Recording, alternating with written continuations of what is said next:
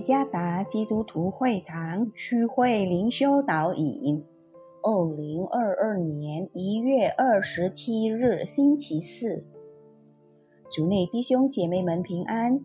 今天的灵修导引，我们要借着圣经创世纪三十九章第六到十三节，以及撒姆耳记下十一章第一到第四节，来思想今天的主题。约瑟和大卫，作者朱师杰传道，创世纪三十九章第六到十三节。波提乏将一切所有的都交在约瑟的手中，除了自己所吃的饭，别的事一概不知。约瑟原来秀雅俊美，这事以后。约瑟主人的妻以目送情给约瑟，说：“你与我同寝吧。”约瑟不从，对他主人的妻说：“看哪，一切家务我主人都不知道，他把所有的都交在我手里，在这家里没有比我大的，并且他没有留下一样不交给我。”只留下了你，因为你是他的妻子。我怎能做这大恶得罪神呢？后来他天天和约瑟说，约瑟却不听从他，不与他同寝，也不和他在一处。有一天，约瑟进屋里去办事，家中人没有一个在那屋里。妇人就拉住他的衣裳，说：“你与我同寝吧。”约瑟把衣裳丢在妇人手里，跑到外边去了。妇人看见约瑟把衣裳丢在他手里，跑出去了。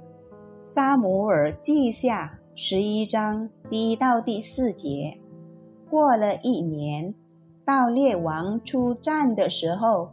大卫又差派约押率领臣仆和以色列众人出战，他们就打败亚门人，围攻拉巴。大卫仍住在耶路撒冷。一日，太阳平息，大卫从床上起来，在王宫的平顶上游行，看见一个妇人沐浴。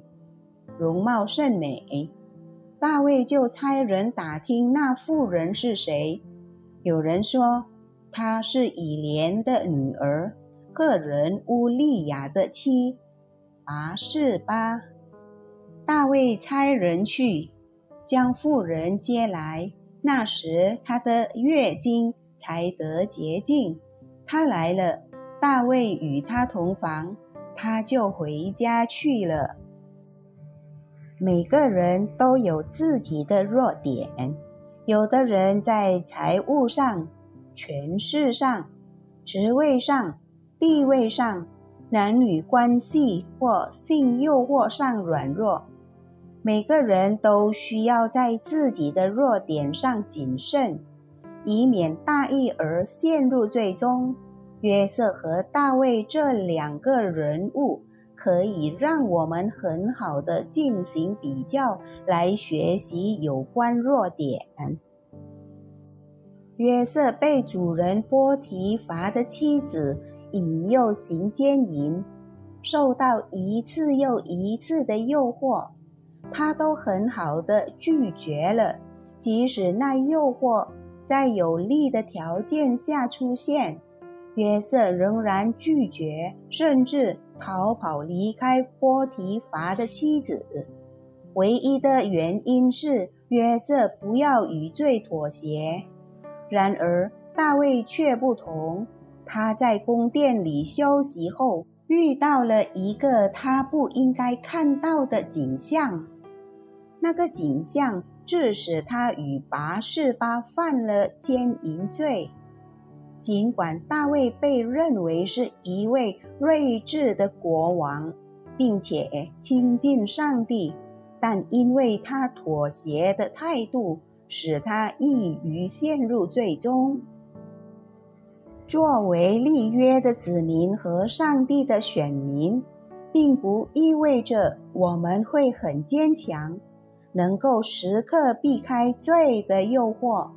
圣经记载，拥有时刻谨慎的态度至关重要，因为魔鬼如同吼叫的狮子，寻找可吞吃的人。